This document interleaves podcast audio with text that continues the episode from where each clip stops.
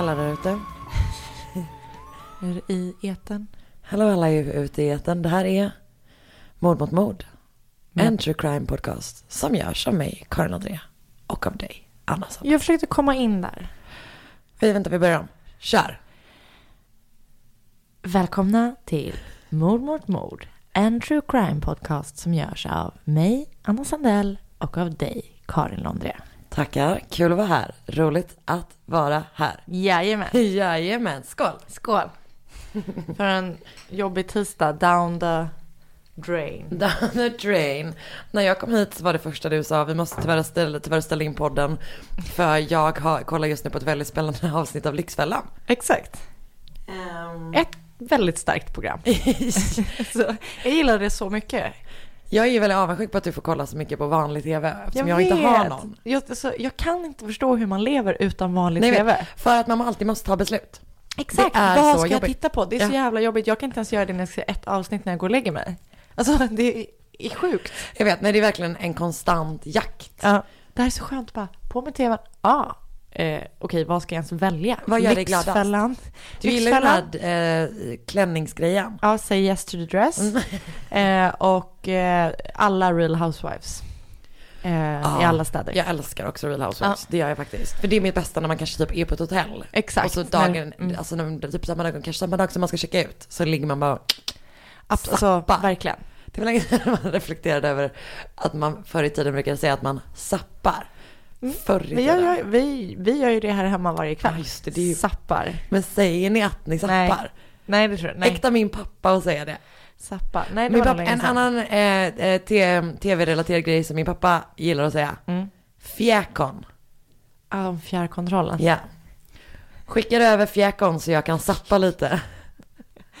Det har jag aldrig hört. Nej. nej. Eh, okej. Fjärrkontrollen tror jag man sa. Eller tryckaren typ. Tryckan är också bra ja. Mm. Så Det- men vi har ingen bråk om det hemma för jag är ofta ganska passiv tv-tittare. Ja. Gud vad skönt att du är passiv någonstans i ditt liv. För överallt annars tar ju du beslut Ja, och vill liv. ha kontrollen. och vill ha kontrollen. Jag vet, nej, gud Men här vill du varken ha kontrollen eller fjärrkontrollen. Verkligen. Ja, men det är kanske är därför jag älskar tvn så mycket. För att det är så kravlöst. Ah, Åh gud, mörkt. Din bästa relation är med din tv. Typ. Alltid varit tv-besatt. Hur Ja. mår du? ja, men eh, jag mår bra. Härligt. Eh, jag mår bra. Mm, det gör mig glad.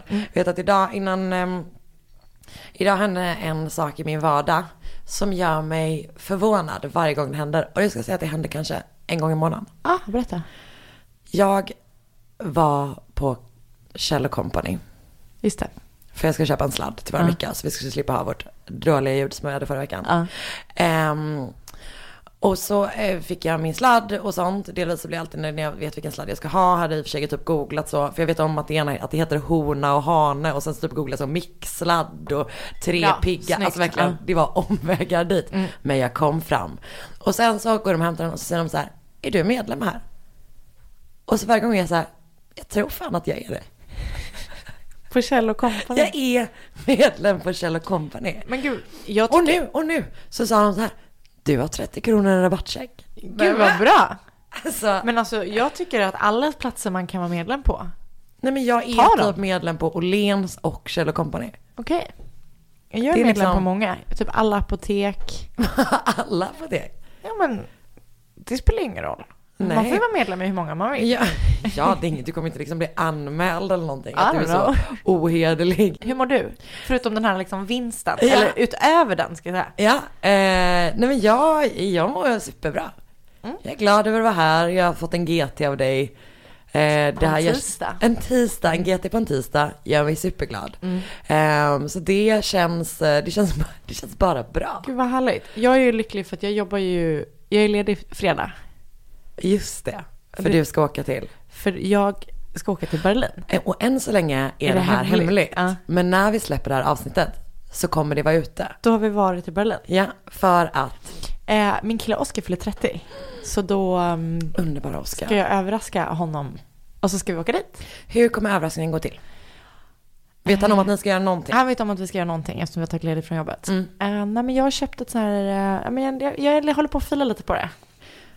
Berätta.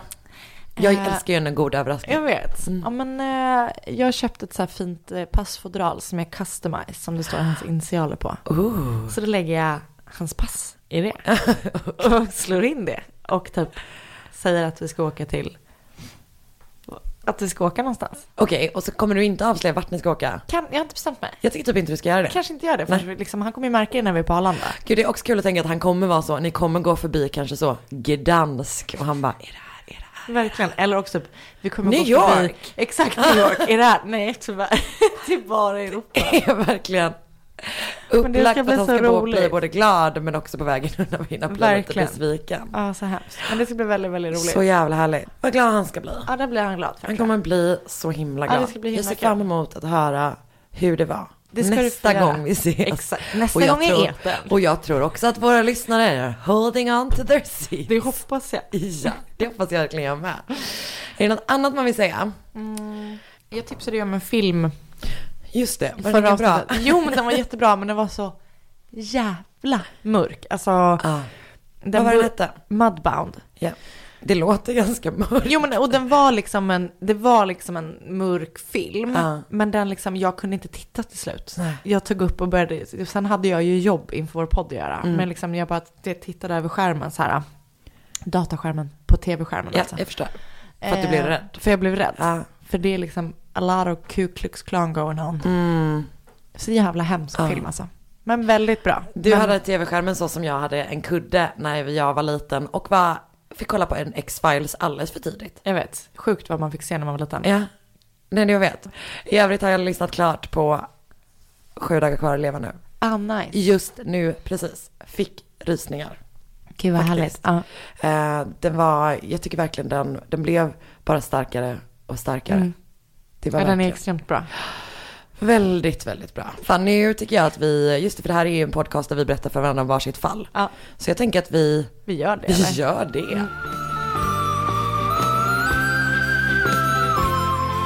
Vi har med oss Nextory den här veckan också.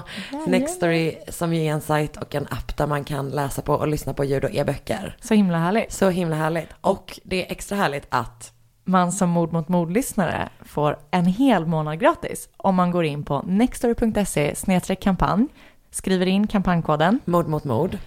och sen är man bara inne. Sen är man inne och Och så kan man lyssna med, på böcker. precis, har du något tips? Jag har ett tips och det är Barnflickan i Knutby som är skriven av journalisten Thomas Sjöberg. Och det handlar då om Knutby. Oh, Alltså, spännande. Ja.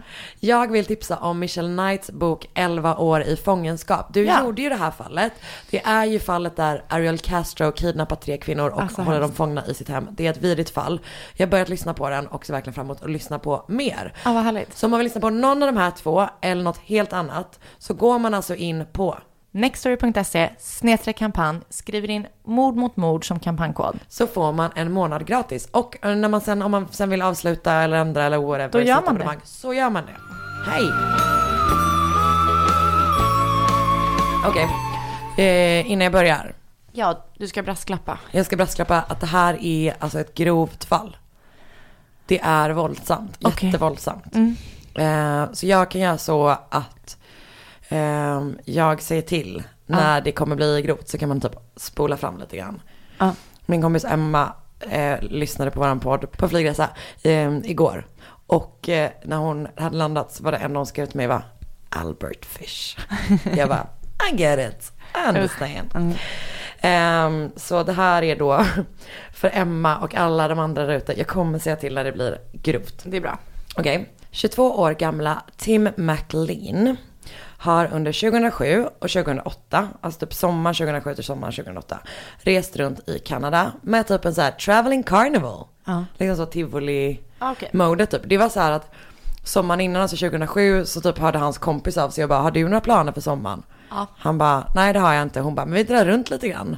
Och sen så råkade de typ hitta det här sällskapet och sen hängde de bara med dem. Ja. Så reste de liksom typ ett år. Det passade Tim superbra. För han var typ så sjukt outgoing och typ alla tyckte om honom och de var så här, men de jobbade på dagarna och på kvällarna och sen festade de hela nätterna och typ så här hela det livet passade honom superbra. Han ser ut som en riktig sån, ja, ja, han är ju kanadensare men jag hade gissat att han var australiensare. Ja, jag alltså han är typen. den typen av snubbe liksom. Efter ett år av det här så hade han typ tröttnat på det livet. eh, och ville flytta till British Columbia och så här lägga om sitt liv, du vet skaffa ett jobb, kanske typ träffa någon, alltså du vet liksom settle down lite Mm. grann.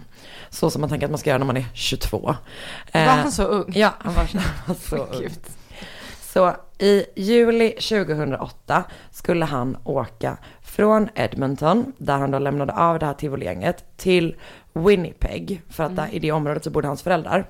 Och det är alltså superlångt. Det tar typ så här 20 timmar med buss eller någonting. Eh, jag tror att det är typ 100 mil. Oj. Han kunde också flyga dit. Det tog typ två timmar. Men så här, han hade typ inga pengar utan typ de pengarna de tjänade la han på så här fest och, och hade Ja. skoj och sånt. Han så är ju hade ändå bara 22. Exakt. Han hade liksom inte börjat spara för en flygbiljett hem typ. Men hans kompisar är typ såhär, men vi kan typ lägga ihop till den här flygbiljetten. Men han verkar typ sjukt chill about everything. Så han bara, det är ingen fara, jag tar bussen. Ni behöver inte lägga ihop pengar till mig. Ytterligare en sak man inte kan relatera till. Han bara, Kan, ja. någon, kan någon sponsra min flygbiljett? Jag, jag hatar att åka buss. Ehm, ja, så han bestämmer sig då för att ta bussen. En minut över midnatt den 30 juli 2008 åker Tim från Edmonton med Greyhound-bussen 1170 i riktning mot Winnipeg. Han sätter sig långt bak i bussen och typ sover ganska stora delar av resan. Det är inte en så superfull buss. Så det är inte det att man sitter typ bredvid folk utan han har ett eget säte. De flesta som inte reser med honom Ja. har ett eget säte typ. Och under resan så stannar typ bussen på ett gäng ställen. Alltså, jag har ju åkt buss en gång i 24 timmar Ja, vart då? i Australien. Mm. Det var fan riktigt jävla jobbigt alltså. Jag trodde inte det skulle vara så jobbigt. Det var fan fruktansvärt. Jag har bara åkt så ehm, Paris till Berlin.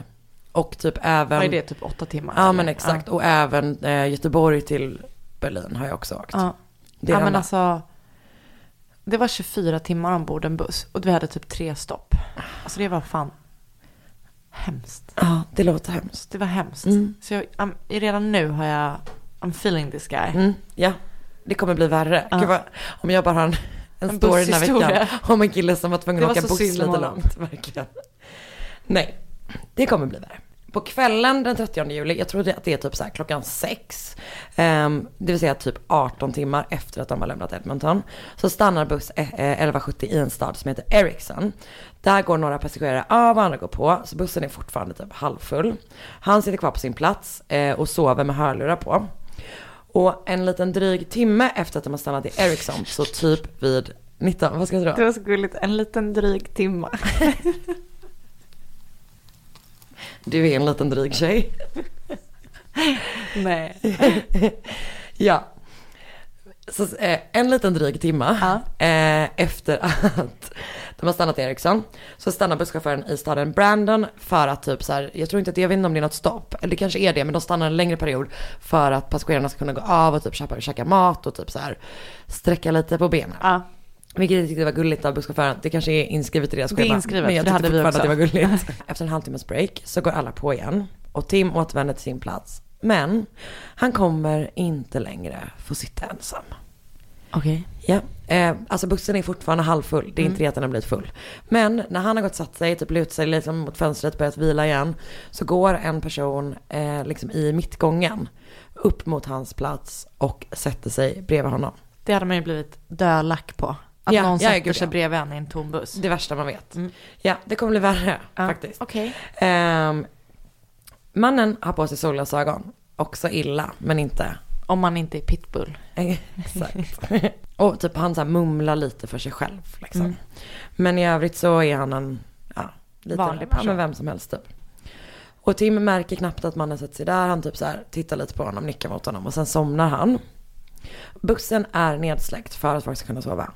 Förutom att man på sådana här inga tv-apparater som hänger ovanför, du vet, Ja. visar en Zorro-film. Starkt. Det var länge sedan man tänkte på Zorro. Verkligen. Mm.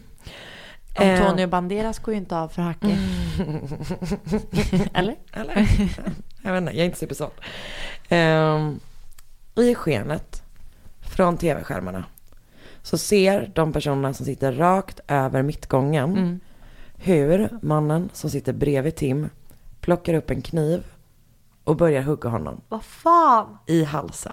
Oh my god. Det är också så grovt att det är i halsen. Det blir panik på den här bussen kan man säga.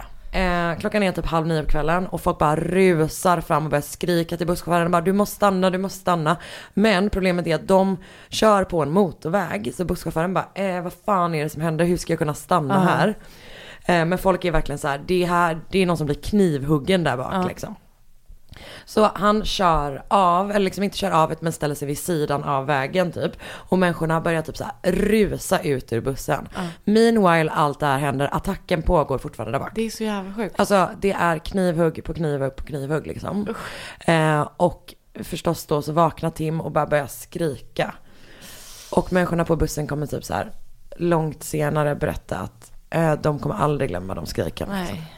Det är Han nästan sit- större panik att bli överfallen när det är massa människor runt omkring. Om man märker att de inte kan göra någonting. Exakt, att man inte kan få hjälp. Man kan inte få liksom. hjälp. Det Nej. är bara så här, vad, vad är det som händer? Nej. Åh. Ja, jag fattar vad du menar, att det är något så jävla läskigt med... För det är klart att det är hemskt oavsett när man blir ja. överfallen. Men just det, så här, nu är jag ensam. Det är typ förståeligt att jag inte kommer kunna ta mig ur den här situationen själv. Men bara, jag är omgiven av en halvfull buss Ja. och ändå händer det här. Ja, verkligen så. Ehm, de lyckas då stanna bussen, folk springer av. Tim sitter innanför sin gärningsman, eller sin förövare. Ja. Så han bara, han kommer inte över sätena, så han kommer liksom, han bara, jag måste ta mig över honom. Ja. Försöker klättra över personen som fortsätter knivhugga honom. Kommer ut i mittgången, men där faller han. Och personen hoppar på honom i mittgången. Med Hedvigs hemförsäkring är du skyddad från golv till tak oavsett om det gäller större skador eller mindre olyckor. Digital försäkring med personlig service, smidig hjälp och alltid utan bindningstid. Skaffa Hedvig så hjälper vi dig att säga upp din gamla försäkring. Hedvig hemförsäkring, ett klick bort. Aj, aj, aj, det kluckar i rören. Men det är väl inget att bry sig om? Jo, då är det dags för de gröna bilarna. Spolarna behöver göra sitt jobb. Spolarna är lösningen. Ah, hör du? Nej, just det. Det har slutat. Dåliga vibrationer är att skära av sig tummen i köket. Ja! Bra vibrationer är att du har en tumme till och kan scrolla vidare. Alla abonnemang för 20 kronor i månaden i fyra månader. Vimla! Mobiloperatören med bra vibrationer. Eh, alla har ju som sagt sprungit av förutom Tim, eh, förövaren och även så sitter det några personer bakom. Ah, fy fan. Vilket också är, åh paniken. De kommer inte förbi. Nej, så en person som, var, som har rest med sin fru, som har kommit av bussen, bara inser att hon inte är där, springer in på bussen igen, ser henne, börjar hjälpa henne över sätena för att liksom kunna fly. Ja. Och får syn på också att det sitter folk bakom, så han börjar hjälpa dem över också. Så snart är då alla ute Och på han blir vägen. liksom inte distraherad, förövaren. Nej, nej, alltså han är helt... Bara helt in the zone. Ja, exakt. Så till slut är då alla ute på gatan, eller ute på vägen, förutom Tim, McLean och den här personen som om och om igen knivhugger honom. Det åker förbi en lastbilschaufför. Som bara ser typ det här kaoset, vet folk gråter, folk skriker, folk kräks liksom. Och bara stannar, vad fan är det som händer? Folk berättar så här, ja men det är en person som blir knivhuggen där inne, man hör typ skriken. Så han typ hämtar något, jag tror att det är en kofot, tar med sig en person och busschauffören in. Så de står längst fram i bussen, kollar liksom bak, där den här personen bara sitter och så här besinningslöst hugger. Fy fan vad hemskt. Han typ tittar, de inser så här, nu Tim är död liksom. Han, gärningsmannen typ tittar upp mot dem, tittar på dem. Sen tittar han ner mot kroppen igen och nu kommer det bli grovt. Ja. Så om man inte pallar så spola lite nu. Han hugger av Tims huvud. Ah, fan. Och när det är helt loss så ställer han sig upp och börjar gå mot dem som är längst fram med huvudet i ena handen fan. och kniven i den andra. Mm. Busschauffören, de har någon sån knapp, knapp eller någonting som gör att så bussen inte blir immobilis- immobiliserad så han inte ska kunna köra iväg med den. De bara springer ut, så här, eh, trycker igen dörren, försöker barrikadera den. Men mannen får typ ut sin hand, Ja. bara sån jävla skräckfilmsgrej. Med liksom sin blodiga hand med den här kniven får han ut genom dörren men de lyckas stänga igen dörren på den. Och till slut drar han undan den. Och sen så står han liksom i där och kollar på dem med, återigen grovt, huvud i ena handen, kniv i andra handen. Alltså det är det läskigaste som finns, verkligen. Eh, polisen har först typ lite så svårt att hitta bussen. För att den står på random plats. Eller får jag anta att folk bara, ja jag var på en buss, nu är jag någonstans Ja, på ja, en ja. motorväg liksom. Men de kommer fram. Ehm, och du vet, fattar du den scenen? Att bara komma på den scenen så här, ah, det där pågår, den här personen går fram och tillbaka med en kroppsdel i bussen medan folk är fy panikslagna Och där då är alla busspassagerare kvar där utanför. Ja, exakt. Det kommer typ dröja timmar innan de får Mm. iväg dem därifrån liksom. Ehm, så att han kommer under de kommande timmarna skära, och grovt, delar av kroppen, sprida ut det i bussen och även äta dem. Polisen inser då att mannen är väldigt sjuk och typ i något slags psykotiskt stadie. Så de vill inte bara gå in typ och för att de, man vet inte vad som kan hända. Så de kommer, det kommer liksom ta timmar av bara en stand-off typ. När han liksom begår sådana jävla grova kränkningar på Tim McLeans kropp liksom. Och Ja. de bara står utanför typ. Om, vilken maktlös Ja, ja, nej, det- känsla. Till slut, eh, jag tror att det är 22 på natten, halv två på natten, så försöker gärningsmannen slå sönder, eller han slår sönder ett fönster för att fly. Jävlar, hoppar ut genom det. Eh, och då kommer de med sån, eh, alltså elpistol, ja exakt, och bara skjuter honom typ två gånger så han faller och hoppar på honom, griper honom, tar med sig honom till polisstationen. Där tar de, tar de hans kläder, för att det är bevis uppenbarligen. Och där i, i fickorna, ny varning för grovt. För i fickorna så hittar de ett öra, näsan och tungan. Alltså det är, Fy fan vad äckligt. ja, jag vet, det är verkligen. När tekniker söker igenom bussen så hittar de liksom kroppsdelar överallt. Det man aldrig kommer hitta är en liten bit av Tims hjärta och hans ögon. Och man tror då att, ja jag vet inte om jag inte ens säga det, att han har ätit dem. Eh, vi kan prata lite om gärningsmannen. Ja. Han heter Vincent Vaikong Lee, men kallas för Vince Lee. Föds i Dandong i Kina 1968 och är alltså då 40 år när det här hände. Han jobbar som datatekniker i Beijing men emigrerade till Kanada 2001. Och Vincent Lee gick på samma buss, alltså som, som ehm, Tim gjorde, exakt 24 timmar innan, också från Edmonton. Och skulle också till samma slutstation. Och han hade vad köpt han hade för ärende i Winnipeg. Eh, nej, jag tror inte det. Eller jag vet inte det i alla fall. Nej. Men han hade liksom köpt slutbiljett dit. Så att det är så här, ja. Man vet att det var dit han skulle. Exakt. Men han har då eh, gått av bussen i Ericsson. Där han har tillbringat ett dygn med att typ sitta på en bänk. Han har typ köpt lite mat och sen så har han också sålt sin laptop för 60 dollar till en för- förbipasserande pojke. Ja. Ehm, Konstigt. Ja, det är verkligen, verkligen. Han sitter liksom med en skylt i knät där det står så här, laptop 600 dollars. Han bara, så går det förbi en pojke, han bara, vill du köpa min laptop? Han bara, nej jag har inte råd med 600 dollar. Ja, du kan få den för 60. Så sjukt. Det är typ de interaktionerna som finns. I övrigt sitter han där liksom. Och snart efter att man börjar polisutredningen så inser man att Vince Lee är extremt sjuk. Han har lidit av odiagnostiserad schizofreni och hans sjukdomstillstånd har bara blivit värre Usch, och värre. han har aldrig fått någon Nej. hjälp liksom. Och eh, jag vill bara förstås vara tydlig med att alla människor som eh, får en, del, en schizofrenidiagnos, eh, de allra, allra flesta, i princip alla begår inga våldsamma brott. Jag läste Nej. någonstans att det är vanligare att en person som eh, är schizofren blir utsatt för våld än att de själva begår våldshandlingar.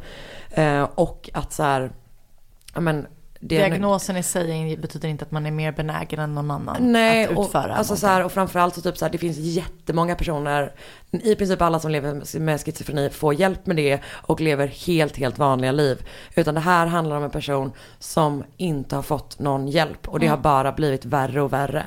Hans vanföreställningar har liksom tagit över hela hans liv, helt enkelt.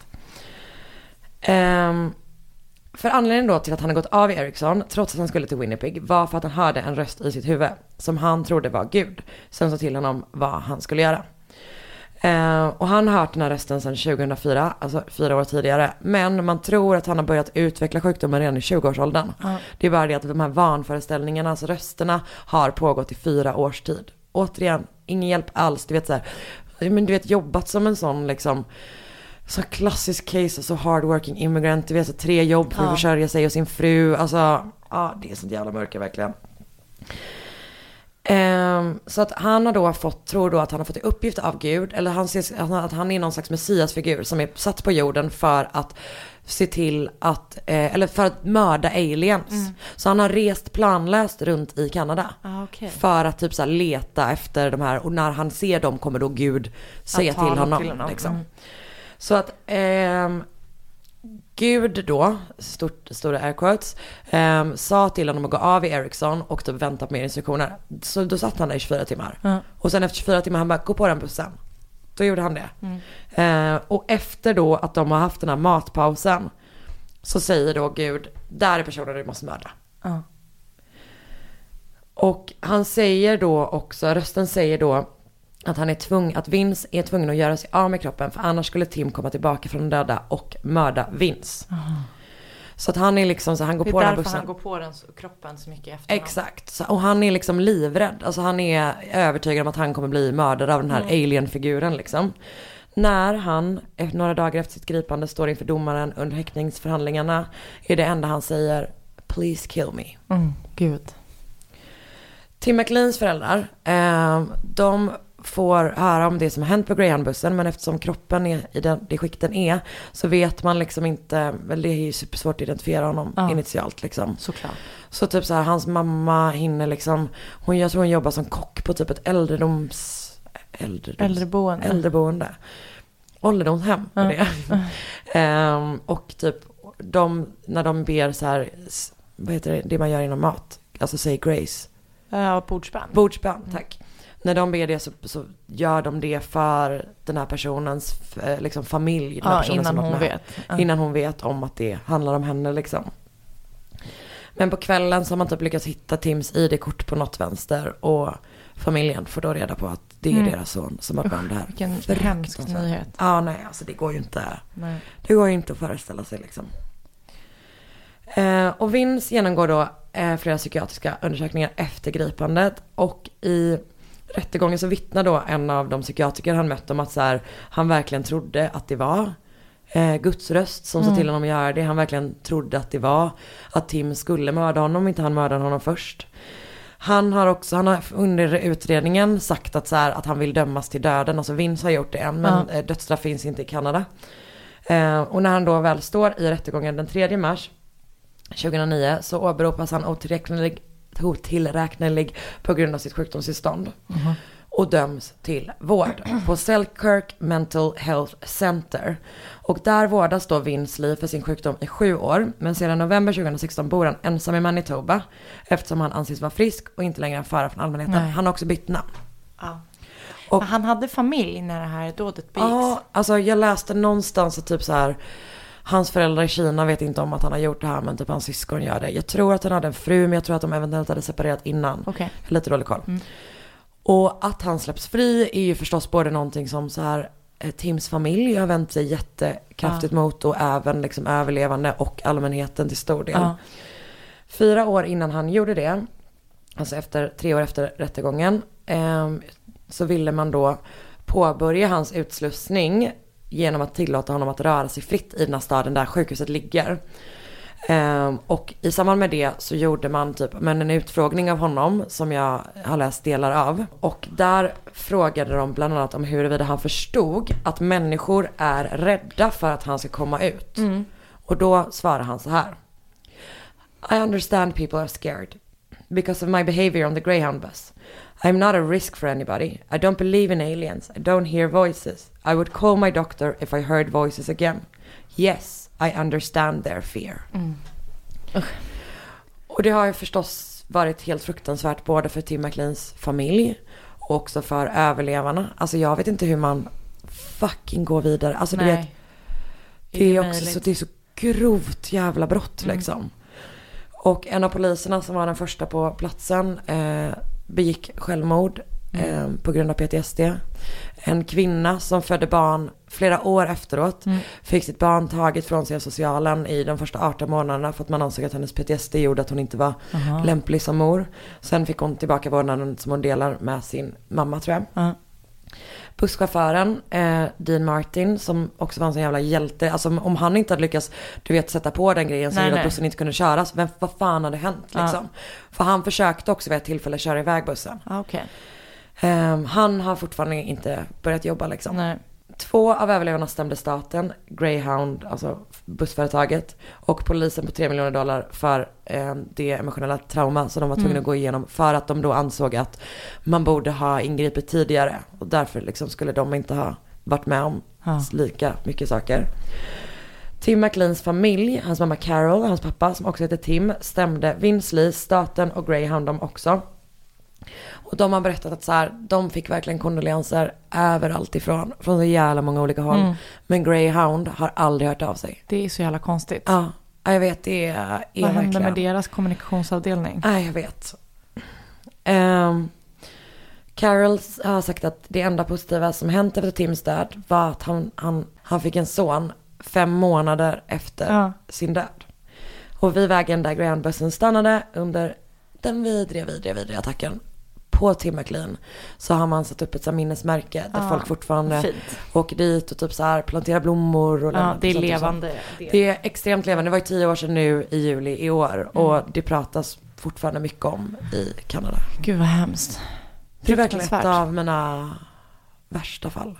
Fruktansvärt fall. Det var ett tips, eller vad, jag fått bli tipsad om det av flera personer på Instagram. Mm.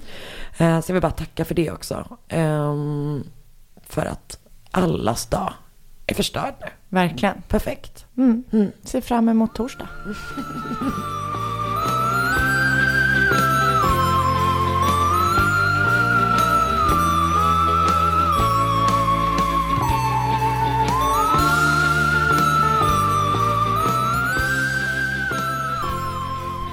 Då börjar vi på onsdagen den 13 september 1978. Då Cheryl Bradshaw var med i ett datingprogram som hette The Dating Game. Hon var en snygg singelkvinna som letade efter någon som hon kunde gå på dejt med. Och programmet var ett sånt när hon satt på en sida av väggen och så satt det killar på en annan sida. Så fick hon ställa frågor och prata genom väggen. Saknar den typen av program. Måste Älskade säga. ja. Ja. I programmet så var det tre stycken eftertraktade ungkarlar med.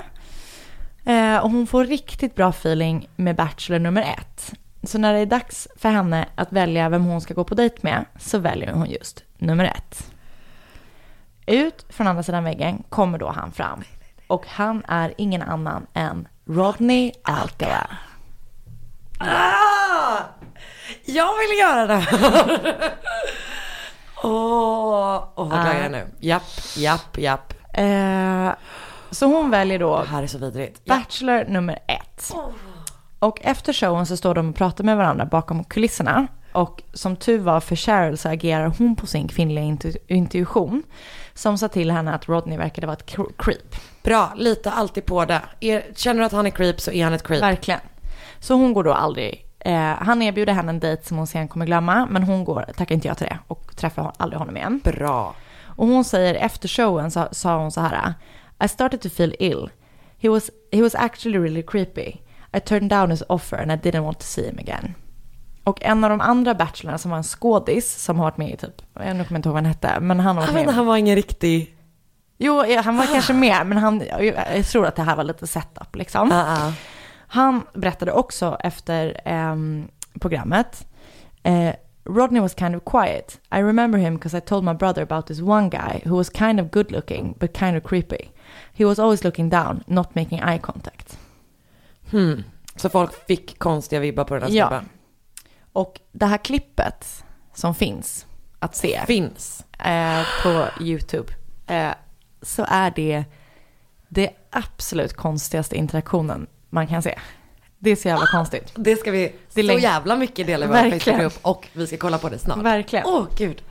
För det ingen visste eh, då var att Rodney, innan han varit med i det här The Dating Game, hade tillbringat tre år i fängelse för att ha våldtagit, våldtagit och misshandlat en åtta år gammal flicka. Vi kommer komma tillbaka till det, men vi kommer nu att börja från första början. För Rodney Alcala föddes den 23 augusti 1943 i San Antonio i Texas. Och när han var åtta år gammal så lämnade hans pappa Raúl familjen. Och tre år efter de blivit lämnade så tog Rodneys mamma Anna med sig Rodney och hans två syskon och flyttade till en förort i Los Angeles. Eh, när han var 17 år gammal så hoppade han av skolan och eh, gick med i militären. Där han jobbade i fyra år innan han fick ett nervous breakdown. Och då blev han utskriven ur militären och eh, fick diagnosen, som jag inte vet vad den heter på svenska, Nej. men antisocial personality disorder. Just det. Och det här skulle då bli den första av många diagnoser som han fick senare ehm, genom åren. Och då skulle han bli diagnostiserad med borderline, eh, sexuell sadism, psykopati och narcissism bland många andra. Det är så kul att man bara, eh, du har den här, de här diagnosen bara, och sen har du sexuell sadism. Man Nej bara, men det, det, jag vet inte vad det heter, men det är min tolkning av vad det är för diagnos. ah. Alltså han är sex... äh, sex han är en sexual sadist Ja. som man alltid pratar om. Exakt. Ehm, och efter han hade lämnat militären så händer två saker. Det, det kommer vara lite rörigt här årsmässigt för mig. Ja. Men då börjar han i alla fall på UCLA School of Fine Arts. Eh, då. Mm. Han kommer senare, alltså han, han har jättehögt IQ, han är en intelligent person. Eh, och han kommer senare också läsa på eh, filmvetenskap på New York University där han läste med, tillsammans med, eller under Roman Polanski. Mm, två creeps som hänger, vad Verkligen. härligt. Eh, så eh, det här, aha, den här Rodney då, som vi pratar om. Han har begått eh, både det ena och det andra hemska sakerna under sitt liv. Och det första brottet eh, han gjorde, som man vet att han begick, det var då 1968. När han är 25 år gammal. Då ser en man, eh, en person som är Rodney, lura med sig en åttaårig flicka in i sin egna lägenhet. Men det är inte okej. Så den här personen ehm, agerar på det här, att han tycker det ser konstigt ut. Och när polisen kommer dit så knackar han på och då så hör de Rodney säga genom dörren typ så här Just wait a minute, typ jag kom precis ut ur duschen. Och eh, så dröjer det ett tag och till slut bryter de sig in. Och då är Rodney borta ur lägenheten men flickan är eh, fortfarande vid liv. Men hon har då blivit eh, brutalt våldtagen och väldigt illa misshandlad. Och han har då stuckit. Men hon överlever och eh, med trauma såklart. Jättehemskt. Åtta, år. Mm. Åh, dra rakt åt helvete. Det är så jävla hemskt. Ja, fy fan. Mm. Och efter det här övergreppet, det är då han lämnar eh, Los Angeles och åker till New, till New York. Och han gör det för att undvika att eh, bli gripen. Mm. Ehm, och han, han tar sig då också ett namn som är Joe Burger. Det är sånt jävla fejknamn. Verkligen. Och eh, 1971 hamnar han då på grund av den här över, eh, det här överfallet, övergreppet på den här unga flickan, eller lilla barnet, eller vad man ska kalla henne, på FBI's 10 Mosted Fugitives lista. Men du, vänta. Fem, five most wanted, 10. ten most wanted. Du sa, Flyktingar. du sa, du sa ten mosted fugitive. Jaha, Most Wanted Fugitives. Ja. Och eh, det är också under det här året som han blir igenkänd på en sån poster. Plansch. Just det, sådana som sitter uppe ja. Ja, För de som känner igen honom är barn på ett läger där han råkar jobba. Så barnen ser den här planschen och berättar för någon annan lägerledare som bara, det är så konstigt för vi har sett den här och han ser precis ut som Joe fast han heter Rodney. Typ, gud vad konstigt. Han jobbade på ett läger för barn. Ja. Det är typ ett läger för så arts, alltså art camp typ för barn. Ja. Eh, och så den här personen, den här ledaren då som barnen säger till, eh, kontaktar polisen och får reda då på att Joe Berger heter egentligen Rodney Alcala. Jag har konsekvent i min text tror jag skrivit stavat fel på hans eh, namn. Bra, han förtjänar inte att få sitt namn rättstavat. Uttalade Eh, fel också. verkligen. Kör. Eh, så han blir då eh, gripen för överfallet på den här åttaåriga flickan som heter Tally. Så hon blir, han blir gripen. Eh, men han kan tyvärr inte bli dömd för våldtäkt utan bara för eh, överfall eller assault. Eh, för att hennes föräldrar vill inte att hon ska vittna. Så det gör det då omöjligt för dem att så här, verkligen döma Men för våldtäkt. polisen. jag vet. Men tyvärr så går det inte. Det låter som ett rättssystem som inte är typ förståeligt mot barn. Nej. Åh gud vad hemskt. Så han blir dömd till tre års fängelse för det här. Och eh, när han kommer ut så blir han dömd igen ganska direkt. För då eh, överfaller han eh, och säljer Mariana till en 13-årig flicka. I, I den ordningen. Det vet jag inte. Förmodligen tvärtom. Ja. Men jag tror inte han har våldtagit henne. Utan Han har eh, typ slagit henne eller liksom nå- någonting. Samma år som han åker fast hittar man också eh, Cornelia Mitchell Crilly död i sin lägenhet. Hon var 23 år gammal och jobbade som flygvärdinna. Och hon hittades då eh, våldtagen och strypt i sin lägenhet på Manhattan. För det var ju där han var. Och inte förrän eh, 40 år senare skulle man koppla just det här mordet till honom. Men det hände samma år som han åkte fast. Men eh, när han eh, släpps fri, för han har ju då blivit, åkt till USA, nej, åkt till New York. Där har han jobbat på det här lägret, där han åkt fast. Eh, då skickas han tillbaka, sitter av sin tid i eh, Los Angeles. Så när han släpps efter att han har suttit den här ganska korta tiden tror jag, ehm, för det här säljandet av eh, droger och sådär, eh, så säger han till sina parole officers att ehm, han vill åka till New York för att hälsa på sina släktingar. Och de låter honom göra det. Eh, och i efterhand så tror man att han inom sju dagar där dödade en eh, college-student som hette Elaine Hoover. Som var dat- dotter till en nattklubbsägare till klubben Ciros i Hollywood. Och den här Elaine var också gudbarn till Sammy Davis Jr. och en annan Dean Martin än din buss Dean Martin. Oj. Man vet inte de här två fallen just nu. Nej, men nej. det är det som Vi man... vet men de vet inte. Exakt. Ja. Så 1978 så vet jag inte riktigt vad som händer här från det att han kommer ut tills 1978. Det är ju några år där. Ehm, så börjar han arbeta som typesetter på Los Angeles Times. Och jag tror att det är, alltså, jag tror att förr så satte man ihop alla järnplattor i bokstäver så här. I tidningen som trycktes. Eller jag vet att man gjorde det. Så jag tror att det är det han var. Det gjorde han då på, sin, på det var hans yrke. Och på fritiden så gillade han att fota. Så han utgav sig själv för att vara eh, professionell fotograf. Så under alla år, från liksom till fram tills han till slut åker fast, för det kommer han att göra, Skönt. så lurade han hundratals män och kvinnor att ställa upp att bli fotade till hans portfolio. Eh, och en av hans kollegor på Los Angeles Times minns att han visade upp de här bilderna han fotade på arbetsplatsen. Och kollegan tyckte det var konstigt att eh, flera av flickorna och tjejerna på bilderna var nakna. Och när han frågade, mm, Vänta, han tog med sig dem till jobbet? det här kan ju då inte ha varit barn inser jag nu Nej, nej, nej, men ändå, må- ja, nej. oavsett. Ja, Nej, han, nej, han tog nej. med sig dem. Ja.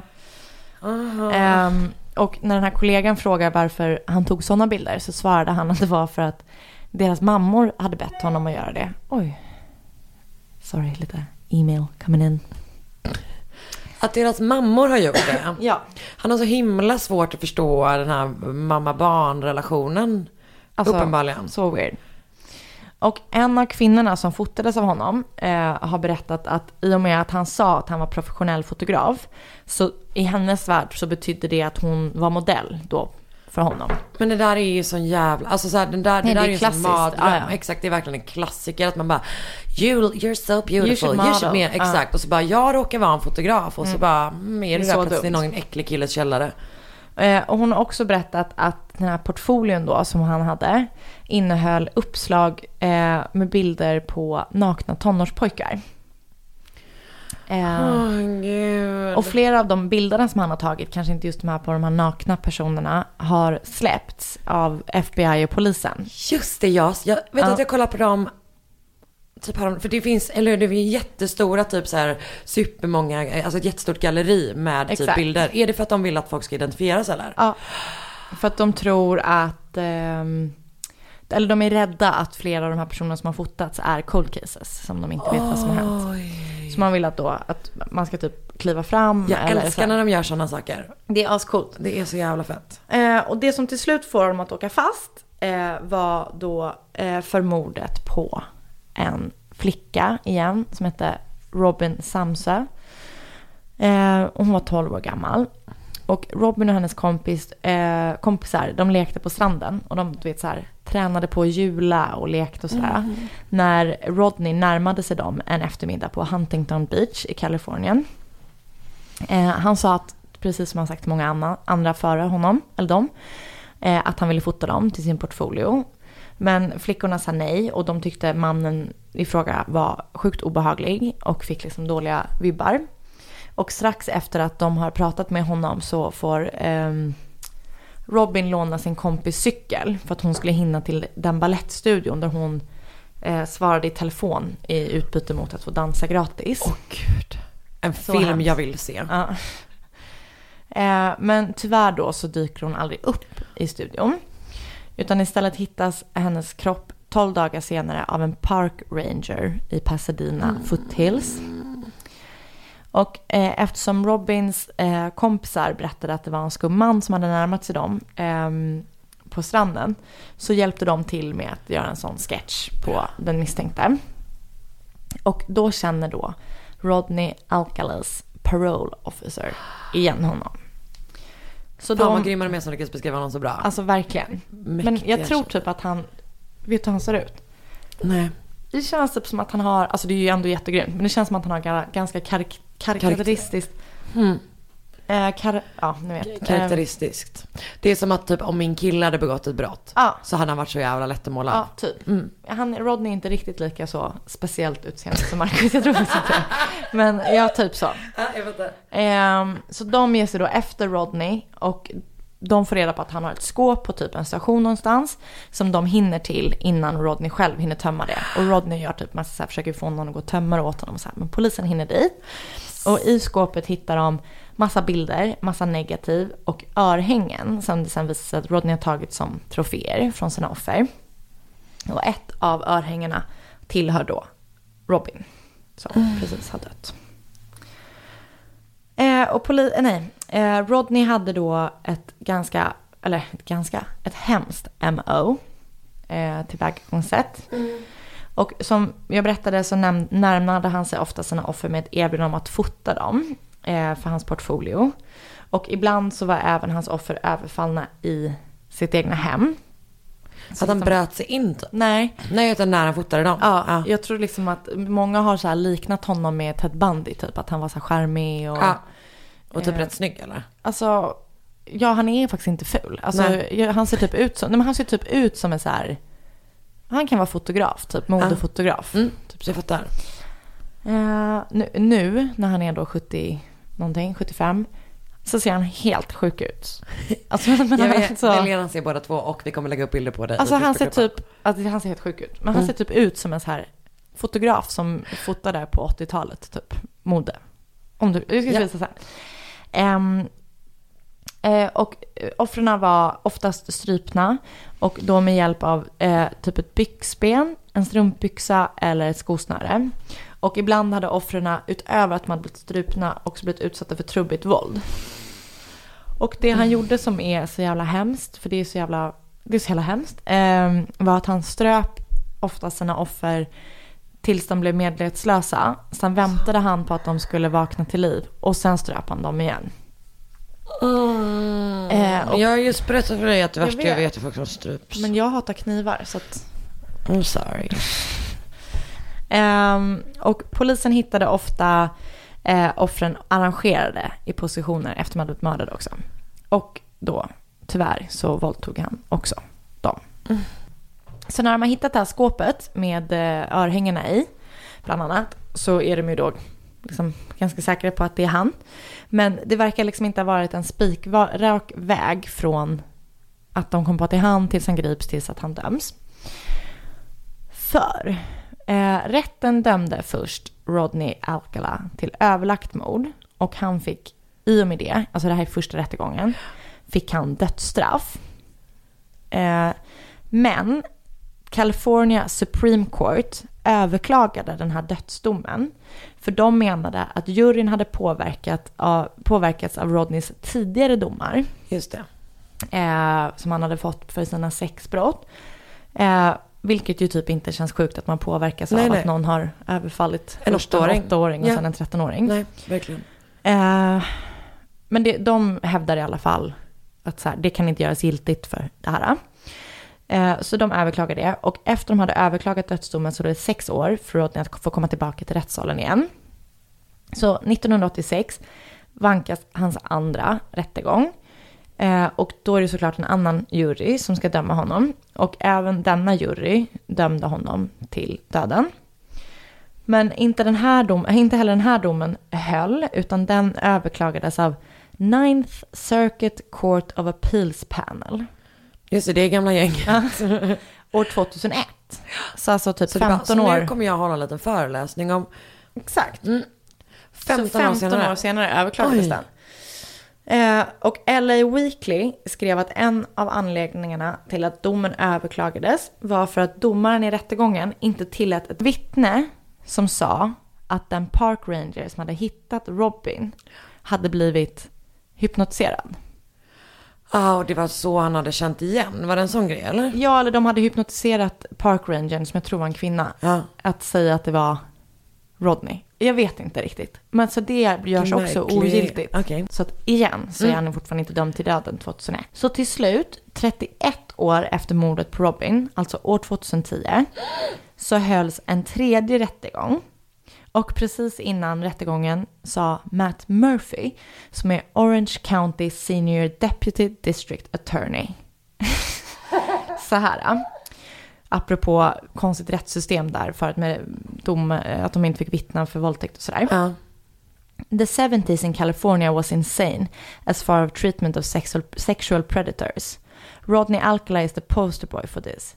It is totally comedy of outrageous stupidity. Alltså han menar då att domarna liksom var så svaga. Ja, för att jag han, tänkte jag bara, vad vänta, dömde han för hårt? Nej, exakt. nej, nej, tvärtom. Ja, att, så här, att han fick släppas fri och du vet, han fick åka. Tre år ut och sen bara dra till New York på Ja. någon jävla sån... Upp Exakt. I, upp i Empire State, men han hade en sån stort finger och liksom, ja. Helt galet.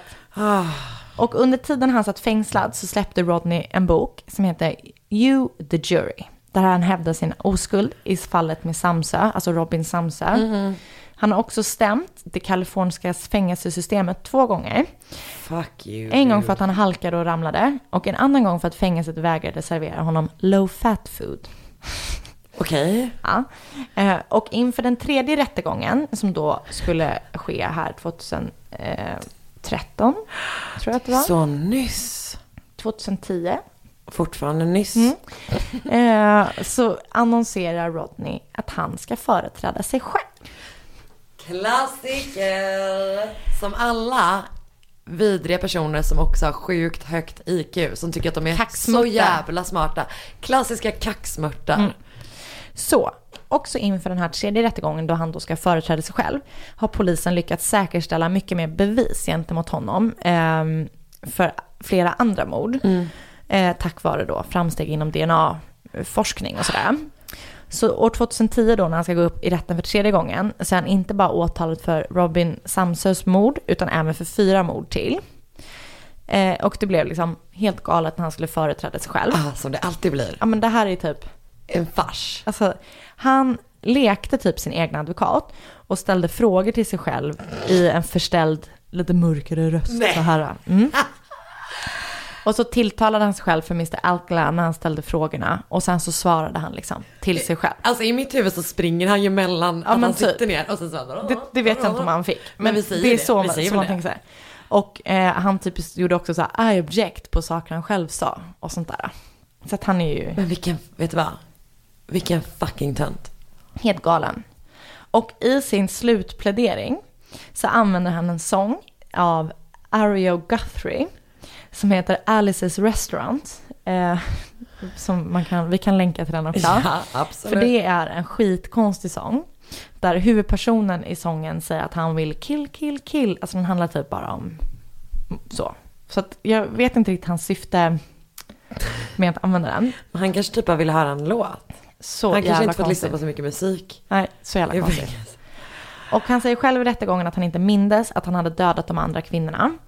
Och det enda vittne som han själv kallade som en del av försvaret sa var en psykiatriker som sa att hans minnesförlust kunde bero på hans border personality. Alltså Mm. borderline Mm. personlighet. och ett vittne som då inte var för hans fördel utan då var mot honom. Eh, som äntligen var med 2010 var då Tally Shapiro som var den åttaåriga flickan som Rodney överfall 1968. Det är för starkt. Det är för starkt Ja, det det är här så fallet. Då är hon alltså typ 40 år. Jo men det är typ det. Ehm, Jag säger ingenting så Nej, låter jag det att det sjunka själv. Man blir så charmig. ehm, och till slut döms Rodney Alcala till döden för tredje gången.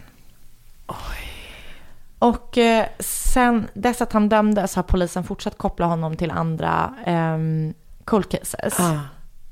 Varav två erkänner han sig skyldig till 2013. Eh, så ehm, Det är så sjukt med sådana fall som är så gamla men som det fortfarande händer saker. Exakt, det är helt stört.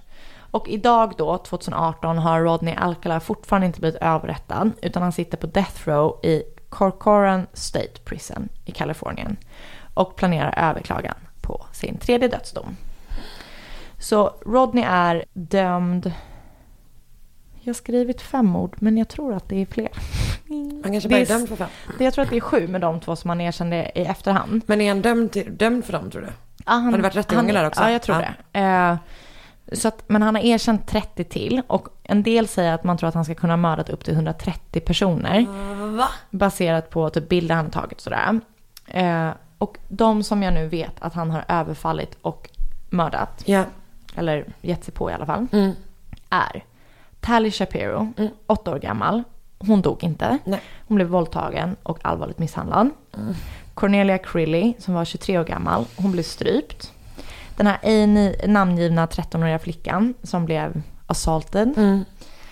Ellen, Elaine Jane Hoover, som var 23 år gammal, hon blev våldtagen och strypt till döds. Ehm, Jill Barcombe, 18 år gammal. 17 år har jag skrivit precis efter. Så hon är 18 eller 17. Mm. Eh, hon blev också strypt till döds och allvarligt slagen med trubbigt våld. Eh, Georgia Lamb, 33 år gammal. Hon blev också våldtagen, strypt och allvarligt slagen med något trubbigt. Jill Parento, 21 år gammal, våldtagen och strypt. Och Robin Samsö, 12 år gammal, våldtagen och strypt. Så det är det han har gjort, som man vet att han har gjort. Men han är som sagt misstänkt för mycket annat. Och eh, jag tänker typ, det känns först nästan som att, du vet typ när jag kollade på den här datingklippet, Ah. in första initiala. Det var det typ nästan att jag tänkte det var lite roligt. Och sen blev det bara mörkare, mörkare, mörkare. För du vet, det är twistat så att det är så helt sjukt när han är med i det där. Ja, Eller inte ja. roligt, alltså det är såklart aldrig Nej, roligt. nej men det blir typ tragik eller det blir för konstigt för att typ kunna hantera. Exakt. Men ju mer jag läste om det, desto äckligare tyckte jag han var. Liksom, och bara helt jävla fuckad. Men eh, fråga, under den tiden han var med i den datinggrejen, vet man om han hade börjat mörda då? Ja, eh, eller han hade i alla fall... Ja, Han hade gått på hon, en åttaåringen ja. Åttaåringen hade, och eh, den här 13-åriga och då misstänker jag har dödat den här Cornelia Crilly också som var Så han var redan igång liksom. Ja. Så, åh, fuck alltså. så hemskt. Det där är... Men det finns hur mycket att läsa som helst och det finns typ massa klipp då från den här dejtinggrejen och sådär. Men vi lägger allting i Ja. vår Facebookgrupp. Mord mot mord podcast heter Ja. den. Så man kan få gå med i om man vill. Jävlar det där var mörkt. Ja. Och vi kommer också lägga de här bilderna där så man kan kolla om man kan känna igen någon. Jag gillar verkligen de använder, det är typ som att man, det finns ju en sajt där de lägger upp typ inredningsdetaljer från klipp där barn har utsatts för övergrepp. Ja just det, för just att man ska typ försöka kunna Mm. Lista ut var, Mm. ja, men vad, exakt var det har hänt. Eh, Jättebra. Polis, ja, kan kolla om vi hittar den Mm. länken också och lägga upp det med för att se. Men fan du vet, det- där kan man ändå liksom göra lite skillnad. Eller så här, det kan faktiskt Gud, spela, ja. spela roll liksom. Åh gud Anna, Ja, vilket vidrigt avsnitt det här blev. verkligen. Men tack för oss då. Tack för oss snälla så himla Vi mycket. Vi hörs nästa vecka. Eh, ta hand om er och sådana saker. Ja, hej då. Hej då. Dåliga vibrationer är att gå utan byxor till jobbet. Bra vibrationer är när du inser att mobilen är i bröstfickan. Alla abonnemang för 20 kronor i månaden i fyra månader. Vimla! Mobiloperatören med bra vibrationer.